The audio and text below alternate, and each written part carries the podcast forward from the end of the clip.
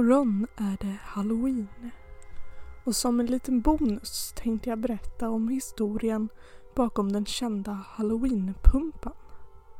Som många kanske just idag sitter och skär ut ett ohyggligt ansikte i för att sedan ställa ut för beskådning med ett litet ljus som lyser upp det leende ansiktet.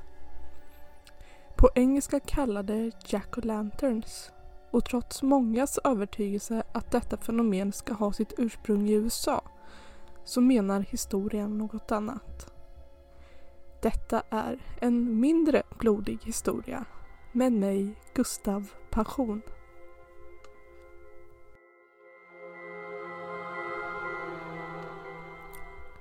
Legenden säger att Jack-o'-lanterns har sitt ursprung i den irländska folktron där man inför halloween, eller snarare All Hallows Eve, skar in ett skrämmande ansikte i antingen potatisar eller rovor för att skydda sitt hus mot onda krafter.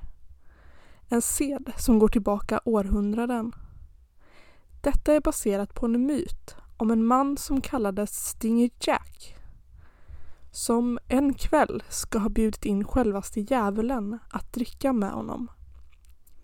Men som den lurendrejare han var så ville han inte själv betala för drickat utan övertygade istället djävulen att förvandla sig till ett silvermynt för att betala med.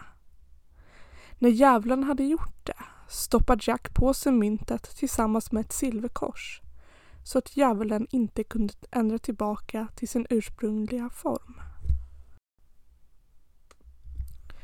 Efter en tid bestämde sig ändå Jack att fria djävulen men med kravet att han inte skulle få jaga efter honom under ett års tid och att om han skulle dö så fick djävulen inte ta hans själ till helvetet.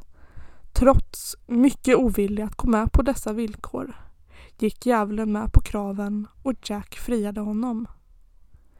Men när året hade gått och djävulen skulle leta rätt på Jack så lurades han igen. Jack hade nämligen bett honom att plocka en frukt från ett träd som han sedan karvade in ett kors i och kunde inte komma ner igen innan han lovat Jack att inte störa honom igen på tio år och inte ta hans själ om han skulle dö. Men väldigt kort därefter dog Jack. Men Gud ville inte låta en sån skojare komma till himlen och djävulen var fortfarande ilsken att Jack hade lurat honom än en gång men kunde ändå inte ta hans själ till helvetet. Så istället gav han honom en bit brinnande kol och sände iväg honom ut i den mörka natten. För att skydda sina händer från det brännande kolet så ska Jack ha lagt det i en urholkad rova och sedan dess strövat runt på jorden, varken död eller levande. Detta är en väldigt gammal legend men som har återberättats flitigt under i alla fall de två senaste århundradena.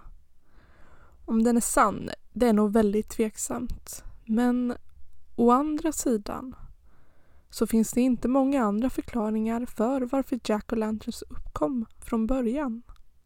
Så vem vet?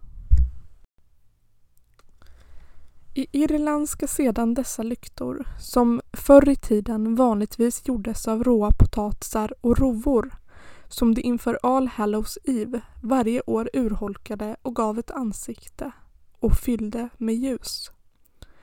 Det ska först kallats Jack of the Lantern, vilket var en anspelning på legenden. Men detta namnet utvecklades sedan till Jack O' Lantern. Denna traditionen, som senare spred sig till både Skottland och resten av England och ska ha följt med över till USA när många emigrerade i slutet av 1800-talet.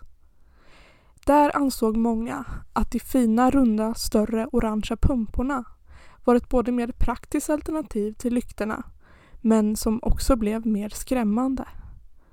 Och som idag är en tradition som finns i hela världen inför halloween men som alltså inte kom från USA utan från Irland. Detta var en mindre blodig historia med mig Gustav Passion som även har skrivit och producerat detta avsnitt. Musiken är tagen från purpleplanet.com. Missa inte halloween-specialen imorgon som släpps någon gång under dagen. Följ mig på Instagram, at en blodig historia. Denna podcast finns tillgänglig på Spotify, Soundcloud, Youtube, pippa.com och flera ställen. Vill du höra mer eller längre avsnitt så kan man stötta mig lite smått på coffee.com slash en blodig historia. Tack för att ni lyssnat och hoppas ni får en skrämmande halloween.